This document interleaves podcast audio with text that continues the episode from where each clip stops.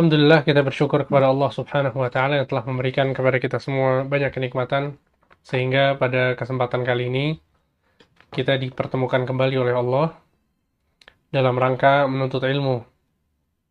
Dan pembahasan kita pada kesempatan kali ini adalah um, pembahasan lanjutan ya dari kajian 24 jam bersama Rasulullah Shallallahu alaihi wasallam.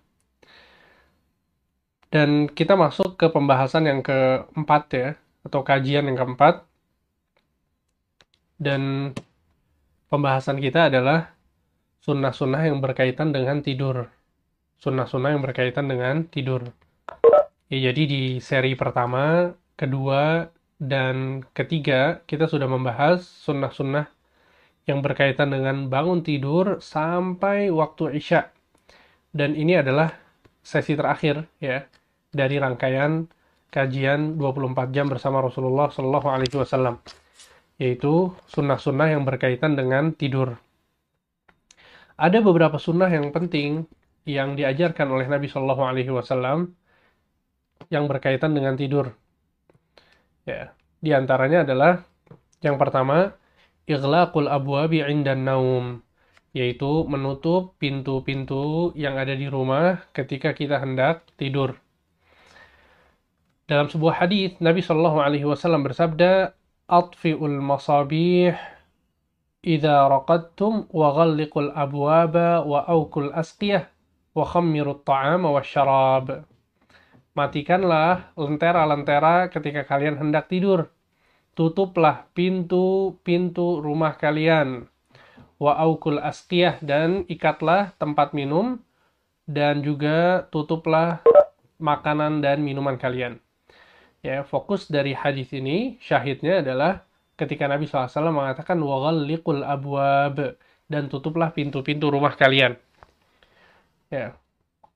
Dalam hadis lain Nabi Wasallam memberitahukan kepada kita kenapa kita disunnahkan untuk menutup pintu tatkala malam hari atau tatkala kita mau tidur. Nabi mengatakan wa aghliqul abwab tutuplah pintu-pintu rumah kalian wadhkurusmallah sambil menyebut nama Allah.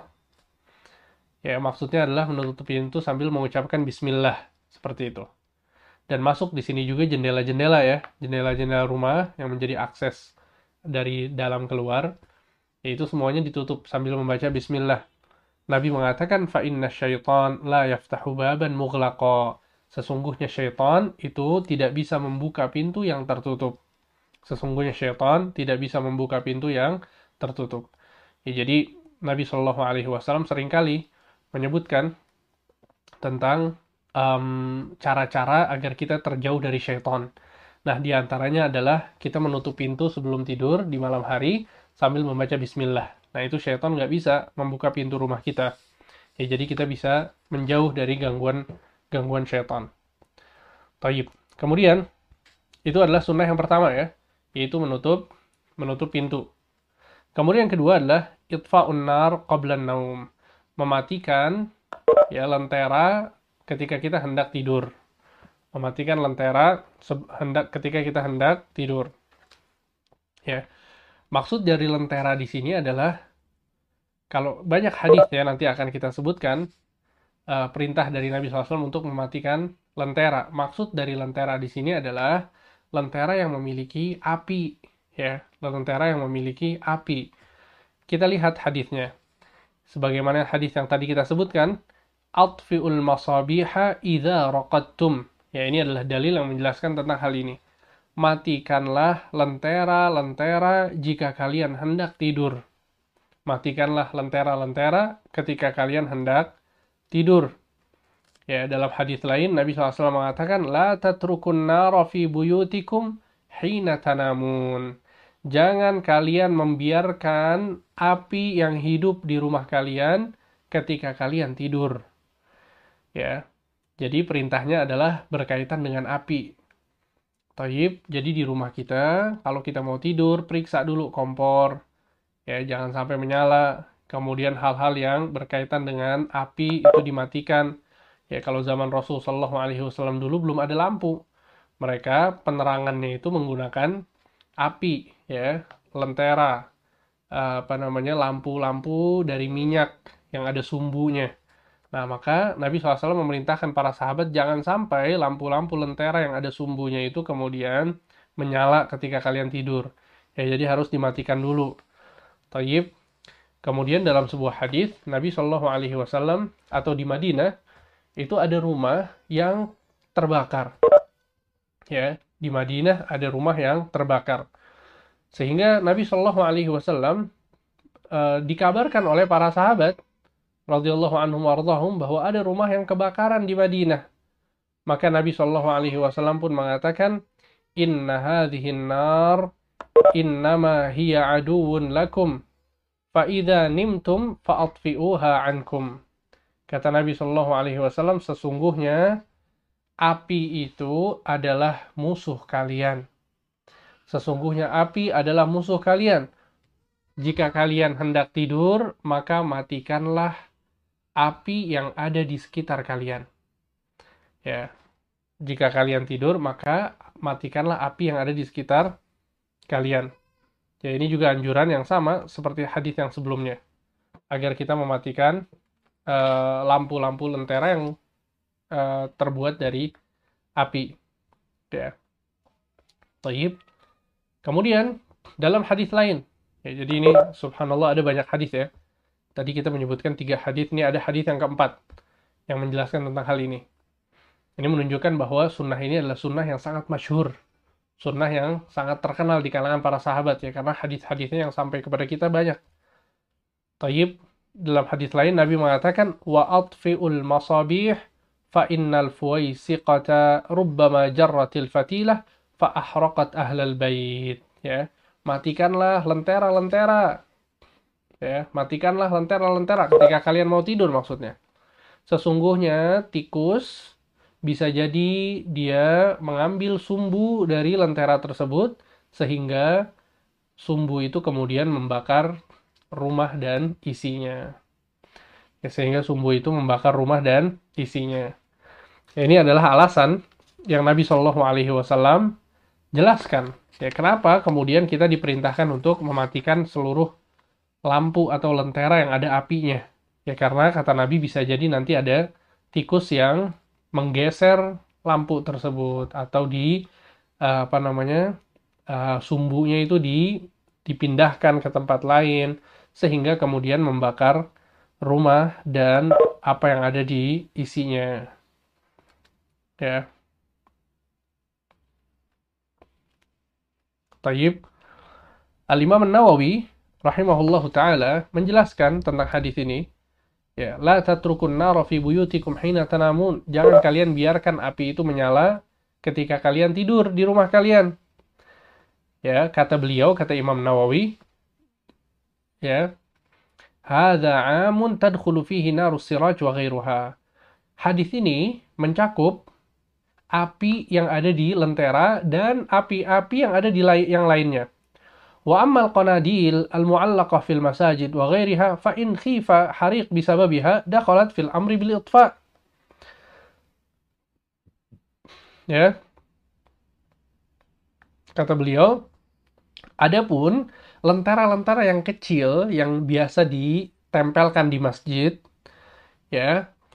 Kalau sekiranya itu juga ditakutkan akan membakar masjid, maka ini masuk ke dalam hadis tersebut. Ya. Wa in umina dzalika kama huwal ghalib annahu la ba'sa bihi lintifa'il illah. Kata beliau akan tetapi kalau kita merasa aman dari lentera yang kecil itu bahwa dia nggak akan membakar, nggak akan membahayakan, maka tidak masalah dinyalakan. Nggak perlu dimatikan pun nggak masalah. Ya, kemudian kata beliau li anna nabiyya 'allala al-amra bil itfa fil hadits as-sabiq bi al-bait ala ahli al-bait baitahum fa idza intafat al-'illah zala al-man'u. Ya kata beliau karena Nabi Shallallahu alaihi wasallam menjelaskan bahwa sebab kenapa kemudian diperintahkan lentera itu dimatikan adalah untuk uh, menghindari dari tikus yang suka menggeser lentera tersebut. Ya sehingga kemudian membakar rumah.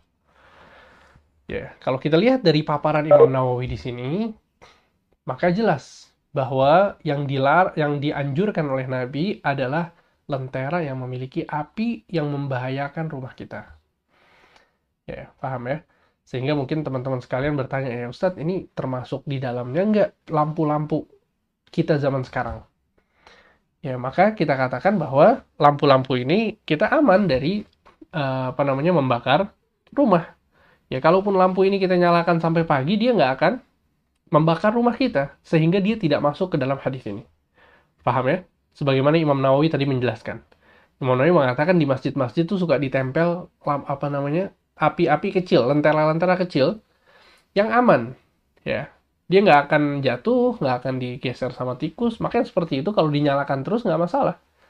Maka apalagi kalau kemudian lampu-lampu zaman sekarang, ya ini nggak akan menyebabkan kebakaran sama sekali. Akan tetapi, akan tapi walaupun tidak masuk ke dalam hadis ini, sebaiknya lampu-lampu di rumah kita kalau malam itu tetap dimatikan. Tetap dimatikan. Kenapa? Karena takut kita kemudian masuk ke dalam Eh, kategori israf. Israf itu buang-buang harta, buang-buang kebaikan. Ya jelas-jelas kita lagi tidur, lampu nggak digunakan. Ya maka sebaiknya dimatikan agar kemudian kita nggak bayar listrik, ya kan? Itu berarti israf, kita mengguna, apa, membayar sesuatu yang tidak kita gunakan. Sama halnya ketika kita membuka air keran, kemudian kita biarkan begitu saja tanpa dimanfaatkan. Ya nggak boleh, haram hukumnya. Tayyib, sehingga maksudnya adalah, walaupun hadis-hadis yang memerintahkan untuk mematikan lampu adalah lampu yang memiliki api, akan tapi kita tetap mematikan lampu yang ada di rumah kita. Walaupun dia tidak ada apinya di situ, tidak menyebabkan kebakaran. Kenapa? Karena kita nggak boleh tabzir, mubazir. Ya, nggak boleh kemudian membuang-buang sesuatu tanpa dimanfaatkan. Ya, apalagi kemudian di apa namanya di antara kebiasaan masyarakat masyarakat kita adalah bahwa kita menyalakan lampu depan rumah. Ya, itu kebiasaan masyarakat kita. Jadi nggak masalah sama sekali. Ya, kalau kita menyalakan lampu depan rumah kita, kemudian untuk penerangan supaya rumah lebih aman juga, ya, maka itu tidak masalah sama sekali. Sehingga itu adalah sunnah yang kedua. Ya, jadi kalau kita mau bicara tentang sunnah yang kedua ini, maka ini lebih tertuju kepada kompor mungkin ya kompor di rumah kita jangan sampai nyala ketika malam. Toyib, ya adapun lampu kita maka tidak masuk ke dalam hadis ini walaupun lebih baik dimatikan karena agar menghindari apa? israf ya, agar menghindari israf. Toyib. Kemudian sunnah yang ketiga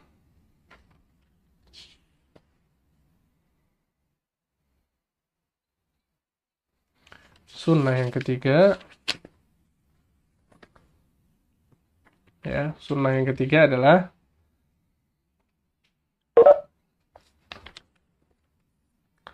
al wudhu qabla naum yaitu berwudhu sebelum tidur. Ya ini adalah sunnah yang ketiga. Berwudhu sebelum tidur. Berdasarkan hadis al bara bin azib bahwa Rasulullah SAW bersabda, "Idza akhadta madja'aka fatawadda wudhu'aka lis-shalah." Kata Nabi SAW, jika engkau hendak tidur, maka berwuduklah sebagaimana engkau berwudhu untuk sholat. Ya, jika engkau hendak tidur, maka berwuduklah sebagaimana engkau berwudhu untuk sholat. Thumma ala syiqqikal aiman. Ya, kemudian tidurlah dengan berbaring ke sebelah kanan dan seterusnya. Intinya adalah di sini bahwa eh, Nabi SAW mengatakan kepada Al-Bara bin Azib, kalau engkau mau tidur, maka uh, berwudu lah sebagaimana engkau berwudu untuk sholat. Jadi sebagaimana kita wudu untuk sholat, sebelum kita tidur kita wudu. Ya, kita wudu supaya kita tidur dalam keadaan suci, dalam keadaan bersih, ya tidak memiliki hadas. Dan itu sangat baik sekali ya. Dan Imam Nawawi mengatakan fa in kana mutawaddian kafahu. Kalau kemudian seseorang itu dia ketika mau tidur sudah dalam keadaan wudhu karena mungkin baru saja selesai sholat isya ya. Misalnya kita sholat isya, beres sholat isya, kemudian kita mau langsung tidur. Ya maka kita nggak perlu wudhu lagi. Kenapa? Karena kita masih memiliki wudhu bekas sholat isya tadi. Ya, semoga dipahami ya. Tapi kalau kemudian mau mengulang wudhu lagi, ya jelas lebih afdol. Karena apa namanya sering ber, apa namanya melakukan wudhu ya dengan sering itu adalah sebuah kebaikan karena wudhu itu ibadah. Ini nggak masalah. Tapi kalaupun kemudian kita sudah ada masih ada wudhu, maka kita nggak perlu wudhu lagi nggak masalah. Ya, itu sudah dikatakan bahwa kita sudah melakukan sunnah tersebut. Taib. Kemudian sunnah yang keempat adalah nafdul firash qabla al-iltija'i alaih. Mengibas kasur sebelum tidur. Ya. Mengibas kasur sebelum tidur. Jadi, kalau kita mau tidur nih di kasur kita itu apa namanya? Kita ambil uh, sarung atau pakaian atau apa pun, kemudian kita kibas. Ya, kita kibas tiga kali. Tayyib, sebagaimana yang dijelaskan oleh Nabi Shallallahu Alaihi Wasallam, beliau mengatakan, "Ida awa ahadukum ila firashih, falyanfud firashahu bidakhilati izarih, fa innahu la yadri ma khalafahu alaih, thum fa innahu la yadri ma khalafahu alaih." Ya kata Nabi SAW, jika salah seorang dari kalian hendak mendatangi tempat tidurnya, maksudnya mau tidur, hendaknya ia mengibas kasurnya dengan bagian dalam sarungnya atau bagian bawah sarungnya. Ya, karena ia tidak mengetahui apa yang ada padanya. Maksudnya dia nggak tahu ada apa di kasur tersebut. Ya, jadi hendaknya dia ambil sarung, kemudian bagian bawah sarungnya itu di apa namanya? Uh, atau di bagian dalam sarung ya. Bagian dalam sarung itu bagian atas sarung ya. Bagian atas sarung dikibaskan di kasur. Taib. Itu hadis yang pertama ya. Kata Nabi SAW coba perhatikan baik-baik hadisnya kata Nabi SAW jika salah seorang dari kalian mau pergi ke kasurnya untuk tidur maka hendaknya dia mengibaskan kasurnya dengan uh, apa namanya bagian uh, ujung atau bagian atas sarungnya yaitu hadis yang pertama. Ya, maksud bagian ujung sarungnya itu adalah jadi kan sarung itu jadi kalau di zaman Nabi SAW itu nggak ada belum ada celana, belum ada kemeja, belum ada baju koko zaman dulu ya. Jadi pakaian di zaman Nabi itu ya, secara umum itu ada dua pasang. Yang pertama izar, izar itu bagian bawah, kemudian yang di bagian atas itu rida. Rida itu di bagian atas. Nah, kalau uh, teman-teman sekalian tahu uh, pakaian umroh ya, ada dua helai gitu kan, yang satu dipakai di bawah, yang satu dipakai di atas.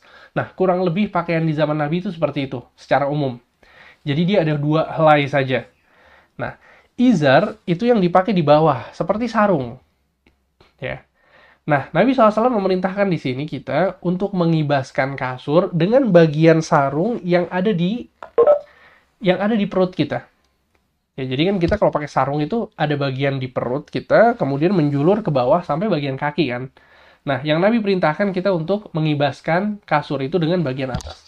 Wallahu alam, saya belum mendapatkan ya kenapa kemudian diperintahkan untuk untuk menggunakan bagian atasnya. Wallahu alam mungkin, mungkin karena bagian atas itu cenderung lebih bersih ya daripada bagian bawah. Ya, karena bagian bawah sarung mungkin kena debu, ya kena becek mungkin, kena tanah, ya karena kan dia di posisinya di bawah gitu ya. Adapun yang di bagian perut, ya dia tertutup oleh baju juga, kemudian lebih bersih gitu ya. Jadi di sini Nabi SAW memerintahkan kita untuk menggunakan sarung ujung bagian atas itu untuk membersihkan atau mengibas kasur. Nah itu hadis yang pertama. Coba lihat hadis yang kedua. Kata Nabi, "Idza ja'a ahadukum firasyah falyanfud bisir bisanifati thawbihi thalatha marrat." Jika salah seorang dari kalian mau tidur, maka hendaknya dia mengibas kasurnya dengan ujung bajunya tiga kali. Kalau hadis yang pertama, mengibaskan saja. Kalau hadis yang kedua disebutkan tiga kali. Kemudian hadis yang ketiga, kata Nabi, "Idza awa ahadukum ila firasyih falyakhudh dakhilata izarih falyanfudh biha firasyahu wal yusammillah." Jika salah seorang dari kalian pergi ke kasurnya hendak tidur, maka hendaknya dia mengambil uh, hendaknya dia mengambil uh, ujung dari sarungnya, kemudian mengibasnya mengibaskannya ke kasurnya dan menyebutkan bismillah dan menyebutkan bismillah ya. Jadi kalau kita lihat dari kumpulan tiga hadis ini kita mendapatkan bahwa cara mengibaskannya adalah yang pertama dengan apa pun di sini disebutkan Nabi dengan ujung sarung, kemudian Nabi juga menyebutkan dengan ujung baju, ya maka para ulama mengatakan dengan apa pun boleh. Kalau kita pakai sapu lidi ya pakai sapu lidi boleh, pakai baju yang ada juga boleh. Ya kalau kita punya bahkan sebagian ulama mengatakan kalau ada seseorang yang punya imamah ya pakai imamahnya juga boleh. Al-muhim dikibaskan tiga kali. Ya, dikibaskan tiga kali. Ya, itu yang pertama mengibaskannya dengan apa pun, kemudian kedua tiga kali, kemudian yang ketiga adalah dengan mengucapkan Bismillah. Ya, jadi kita baca bismillah, kemudian kita kibaskan tiga kali. Ya, seperti itu. Itu adalah sunnah yang keempat. Baik. Kemudian sunnah yang kelima adalah an-naumu ala syikil aiman. Yaitu tidur dengan uh, tidur dengan berbaring di bagian tubuh yang kanan. Ya, tidur dengan berbagi baring di bagian tubuh yang kanan. Ya, jadi kita kalau tidur itu nengok kanan ya, itu sunnahnya. Kemudian yang kedua, yang keenam adalah wad'u yadihil yumna tahtal khaddil aiman, yaitu meletakkan tangan kanan di bawah pipi yang bagian kanan. Ya, meletakkan tangan kanan di pipi bagian bagian kanan. Jadi tidur itu ngadep ke kanan seperti itu, kemudian pipi kita di apa namanya tangan kita diletakkan di pipi bagian kanan. Itu sunnahnya. Berdasarkan hadis yang dibawakan oleh Al-Bara bin Azib bahwa Rasulullah SAW bersabda, "Idza akhadta madja'aka fatawadda wudu'aka lis-shalah." Kalau engkau hendak uh, tidur, maka berwuduklah sebagaimana engkau berwudu untuk sholat. Tsumma taji' ala syiqqikal aiman. Kemudian tidurlah dengan berbaring di atas tubuh yang bagian kanan. Ya. Ini perintah dari Nabi SAW. Sehingga para ulama mengatakan ini adalah sunnah. Kemudian juga dalam hadis Hudzaifah beliau mengatakan karena Nabi Shallallahu alaihi wasallam idza akhadha madja'ahu min al-lail wada'a yadahu tahta khaddih. Sesungguhnya Nabi SAW ketika tidur malam, beliau senantiasa meletakkan tangan kanannya di bawah pipi kanan beliau. Ya, di bawah pipi kanan beliau. Ya, jadi uh, itu adalah sunnah-sunnah yang berkaitan dengan tidur. Ya, tadi ada enam. Kemudian yang ketujuh. Yang ketujuh adalah membaca zikir-zikir tidur. Membaca zikir-zikir tidur. Nah ini teman-teman sekalian, uh, banyak di antara kita yang nggak tahu bahwa ternyata zikir tidur itu ada banyak, ya bukan cuma satu, dua atau tiga atau empat akan tapi ada belasan zikir yang Nabi SAW ajarkan kepada kita ketika kita hendak tidur. Ini menunjukkan bahwa saat kita tidur ya kita butuh penjagaan ya. Seseorang ketika tidur itu dia nggak nggak sadar, dia nggak nggak tahu apa yang terjadi ya sehingga kita butuh butuh penjagaan dari Allah Subhanahu Wa Taala. Bahkan para ulama berdasarkan ayat-ayat Al-Quran mereka mengatakan bahwa tidur adalah kematian kecil. Ya, tidur adalah kematian kecil sehingga Allah Subhanahu wa taala itu menjadikan seorang hamba itu uh, wafat sementara ya ketika dia tidur. Maka kita butuh penjagaan. Ya makanya Nabi SAW memberikan kepada kita banyak sekali doa dan zikir. Di antaranya adalah yang pertama ya membaca ayat kursi. Yang pertama adalah membaca ayat kursi. Ya sebagaimana dalam hadis disebutkan fa innaka lan yazala 'alaika minallahi hafiz wa la yaqrabannaka syaitan hatta tusbih. Ya. Jika engkau mau tidur idza awaita ila firashik faqra ayat al-kursi maka bacalah ayat kursi. Ya hatta takhtimal ayah ya. Allahu la ilaha illa huwal hayyul qayyum sampai selesai dibaca. Ya Sesungguhnya tidaklah engkau membaca surat uh, ayat kursi kecuali Allah akan menjagamu dan syaitan tidak akan mendekatimu sampai pagi hari. Masya Allah. Syaitan tidak akan mendekatimu hingga pagi hari. Taib. Maka ini adalah keutamaan dari surat ayat kur, uh, ayat kursi yang kita baca ketika kita ketika kita tidur. Ya, jadi ini yang pertama ya wiridnya adalah baca ayat kursi kalau mau tidur Kemudian yang kedua adalah membaca dua ayat terakhir dari surat Al-Baqarah. Yaitu amanah rasulu bima unzila ilaihi min rabbihi wal mu'minun kullun amana billahi wa malaikatihi wa kutubihi wa rusulih la nufarriqu baina ahadim min rusulih dan seterusnya. Dua ayat terakhir dari surat Al-Baqarah. Silahkan buka surat Al-Baqarah, dua ayat terakhirnya itu dibaca sebelum kita tidur. Ya, Nabi Shallallahu Alaihi Wasallam mengatakan, "Man qara'a hatainil ayataini min akhir suratil Baqarah fi lailatin kafatah." Barang siapa yang membaca dua ayat terakhir dari surat Al-Baqarah dalam satu malam sebelum dia tidur, maka Allah akan mencukupinya. Apa maksudnya mencukupinya? Mencukupinya dari penjagaan, uh, mencukupinya dari syaitan sehingga dijaga sama Allah. Sudah cukup penjagaan dari Allah ya agar tidak diganggu oleh syaitan, tidak diganggu oleh keburukan-keburukan, marah bahaya ketika kita tidur. Masya Allah. Tadi udah baca ayat kursi, kemudian baca juga dua ayat terakhir surat Al-Baqarah. Kemudian yang ketiga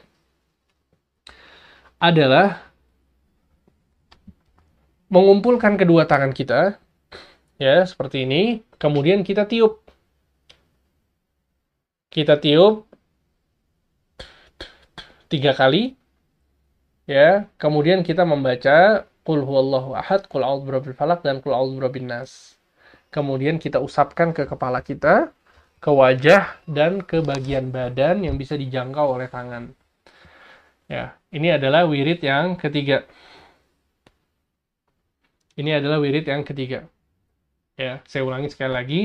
Kita mengumpulkan kedua tangan kita, kemudian kita tiupkan, kemudian kita membaca apa? Qul huwallahu ahad, qul a'udzu dan qul a'udzu nas. Kemudian kita usapkan ke wajah, kepala, kemudian ke bagian badan yang bisa dijangkau oleh kedua tangan kita.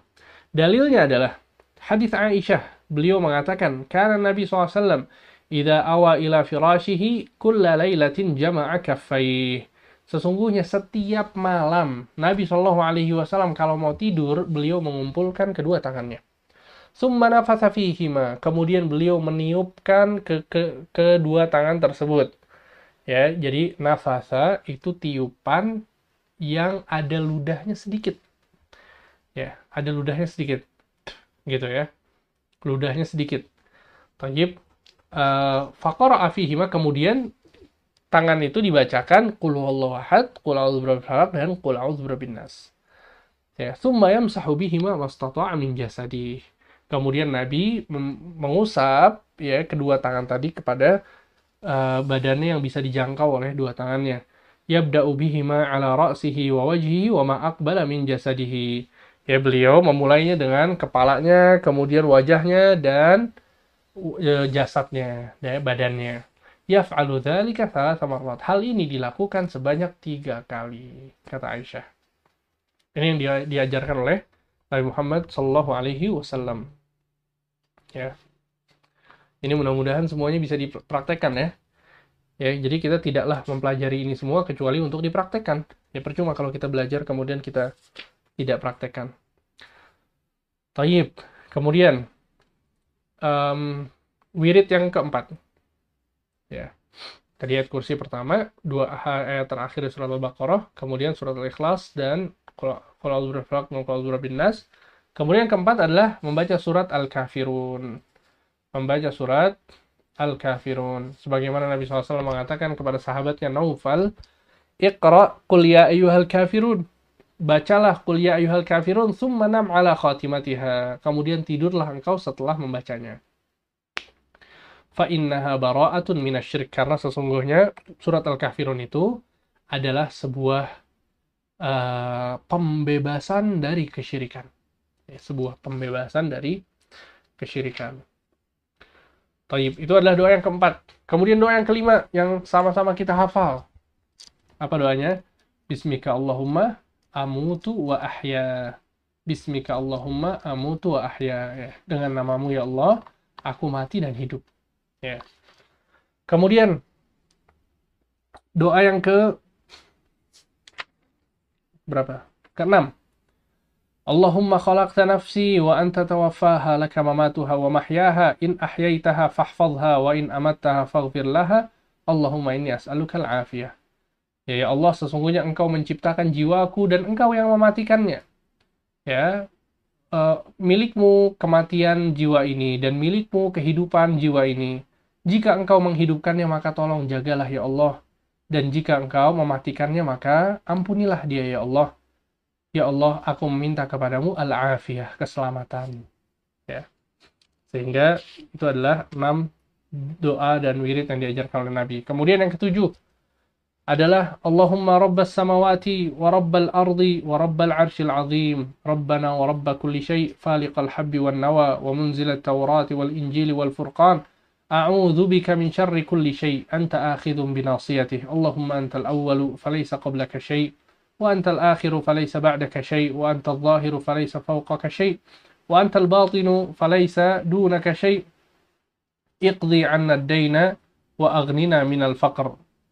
اقضي عنا الدين وأغننا من الفقر. Ini juga doa yang berikutnya. Doa yang ketujuh ya. Kemudian doa yang kedelapan, Bismika Rabbi wada'tu jambi wa bika arfa'uh in amsakta nafsi farhamha wa in arsaltaha fahfadha bima tahfadhu bihi ibadaka salihin. Itu adalah yang kedelapan. Kemudian yang kesembilan, Alhamdulillahilladzi at'amana wa saqana wa kafana wa awana fakam mimman la kafiya lahu wa la mu'wi. Ya, itu yang kesembilan. Kemudian yang ke-10, Allahumma qini adzabaka yauma tab'atu ibadaka. Itu adalah yang ke-10. Ya, kita lihat ya betapa banyaknya ternyata doa mau tidur. Ya, dan saya nasihati untuk teman-teman sekalian untuk uh, memiliki buku-buku yang mengumpulkan doa dan wirid keseharian ya. Jadi nanti bisa punya pegangan untuk apa namanya membaca zikir-zikir tersebut. Ya kita lihat di sini ada kita sudah membacakan 10 zikir. Ya, kita sudah membacakan 10 zikir yang berkaitan dengan tidur.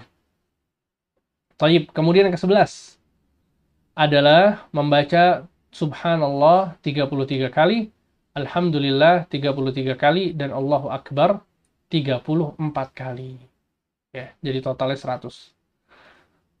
Fatimah pernah merasa capek, ya, merasa letih karena pekerjaan rumahnya. Sehingga Fatimah datang ke rumah Nabi SAW untuk meminta pembantu rumah tangga. Sampai di rumah Nabi, ternyata tidak ada Nabi Muhammad, adanya Aisyah. Maka Fatimah pun membicarakan apa yang dia inginkan kepada Aisyah. Sampai akhirnya Fatimah pun pulang ke rumah. Di malam harinya, tiba-tiba Nabi Shallallahu Alaihi Wasallam datang ke rumah Fatimah. Datang ke rumah Fatimah. Fatimah anaknya Nabi, istrinya Fatimah adalah Ali bin Abi Thalib yang merupakan apa namanya sahabat Nabi yang mulia yang pernah hidup sama Nabi juga ya seperti anak angkatnya seperti itu sehingga Nabi masuk ke kamar mereka berdua ya kemudian Nabi duduk di antara mereka berdua yang sedang tidur kemudian Nabi SAW mengatakan ala u'allimukuma khairan mimma sa'altuma Maukah kalian aku beritahukan tentang sesuatu yang lebih baik daripada apa yang kalian minta? Kan mereka minta pembantu rumah tangga. Kata Nabi, aku punya yang lebih baik daripada itu. Idza akhadtuma madaji'akuma. Kalau kalian mau tidur, kata Nabi, maka bertakbirlah 34 kali, bertasbihlah 33 kali, dan bertahmidlah 33 kali. Oke, kata Nabi kemudian fahuwa khairun lakuma min khadim. Karena sesungguhnya ini lebih baik daripada pembantu rumah tangga. Allahu Akbar. Ya makanya para ulama sebagian mengatakan kalau seorang lemah, letih, capek, coba berzikirlah. Karena berzikir itu bisa menguatkan badan. Ya kita lihat di sini Ali sama Fatimah ya, mereka minta pembantu rumah tangga tapi dikasihnya malah wirid. Ya, dikasihnya malah zikir sama Nabi SAW. Itu berarti zikir itu bisa menguatkan badan kita. Ya dan Ali bin Abi Thalib mengatakan ma taraktuhu mundu sami'tuhu minan nabi. Aku tidak pernah meninggalkan zikir itu sebelum tidur semenjak aku mendengarnya dari Nabi. Luar biasa. Ada sebagian sahabat Ali yang mengatakan wala lailatul sifin, bagaimana dengan malam perang Siffin? Perang Siffin itu perang antara Ali dengan Muawiyah. Ya, di situ ada konflik internal, fitnah yang terjadi yang sangat menyibukkan Ali. Sehingga Ali ditanya, bagaimana ketika malam Lailatul Sifin, malam Sifin ketika itu? kata beliau, wala lailatul sifin. Bahkan pada malam perang sifin pun aku membaca zikir itu. Bayangkan Ali bin Abi Thalib walaupun sibuk dengan peperangan, ya beliau tetap membaca zikir tersebut. Tapi itu yang keberapa tadi?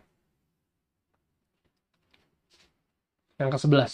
Itu tadi zikir yang ke-11 ya. Bayangin ada 11 zikir. Siapa di antara kita yang pernah baca semuanya? Ayo. 11 zikir sebelum tidur. Kemudian yang ke-12 adalah Allahumma inni aslamtu wajhi ilaik wa fawwadtu amri ilaik wa alja'tu dhahri ilaik raghbatan wa rahbatan ilaik manja minka ila ilaik amantu bi kitabika alladhi anzalta wa bi nabiyyika alladhi arsalta. Itu adalah yang ke berapa tadi? Yang ke-12. Ya. Semoga Allah memberikan taufik kepada kita semua untuk membaca zikir-zikir ini sebelum kita tidur. Ya. Sekali lagi, yang Anda wasiatkan, yang Anda nasihatkan adalah setiap orang itu harus punya buku zikir. Ya, ada banyak buku zikir yang tersebar. Ada buku zikir namanya Hisnul Muslim. Itu bagus, ya. Dia kecil, bukunya nggak terlalu tebal, bisa dibawa ke mana-mana. Setiap kita aktivitas dibaca zikirnya. Apalagi sekarang kita kondisinya lagi pandemi kayak gini keluarga kita banyak yang kena ya mungkin sebagiannya wafat teman-teman kita banyak yang kena mungkin sebagiannya wafat dan sekarang udah bukan lagi sesuatu yang apa ya yang samar-samar gitu ya. Kita melihat langsung orang-orang yang kena covid. Kemudian kita juga mendengar langsung teman-teman kita yang kena covid. Nah kalau kita nggak bergantung sama Allah terus kita mau bergantung sama siapa? Ini orang semuanya kelimpungan ya. Tenaga kesehatan dokter semua. Bahkan ini skalanya udah skala negara itu udah kelimpungan siapa yang bisa apa namanya kita andalkan? Nggak ada yang bisa diandalkan kecuali Allah subhanahu wa taala. Ya Allah yang menciptakan penyakit ini. Sehingga di situlah kemudian pentingnya kita menyerahkan selalu kepada Allah. Ya serahkan. Apalagi dalam kondisi seperti ini. Wabah di mana-mana. Ya terus mau menyerahkan ke siapa? Ya. Kita mau bergantung sama diri kita, sama protokol kesehatan, sama masker. Gak mungkin. Sekarang banyak orang yang pakai masker, dia udah social distancing, dia udah berusaha untuk apa namanya kerja dari rumah, tapi subhanallah kena. Dan kita tahu banyak orang yang seperti itu. Kita dengar teman-teman, tetangga, orang-orang yang ada di sekitar kita, ya sehingga di situlah pentingnya zikir. Ya, perbanyak zikir. Jadikan kita ini bergantung sama Allah Subhanahu wa taala. Allah berfirman, fadhkuruni azkurkum. Ingatlah aku, maka aku akan ingat sama kalian. Kalau kita sering berzikir, kita bakal ditolong sama Allah. Pasti. Kalau kita sering berzikir, urusan-urusan kita akan dimudahkan oleh Allah. Bagaimana tidak? Allah mengatakan kita akan diingat oleh Allah kalau kita mengingat Allah. Ya, jadi maksudnya adalah di sini ada 12 zikir mau tidur dibaca. Ya, gimana Ustadz? Saya belum hafal. Dibeli bukunya, ya buku yang berkaitan dengan zikir dan wirid yang tadi saya sebutkan ada Hisnul Muslim kemudian ada uh, zikir dan wirid karya Ustadz Yazid Jawas itu juga bagus banget ya komprehensif menyebutkan seluruh apa namanya zikir dalam keseharian ya sehingga baik sekali untuk kita memilikinya.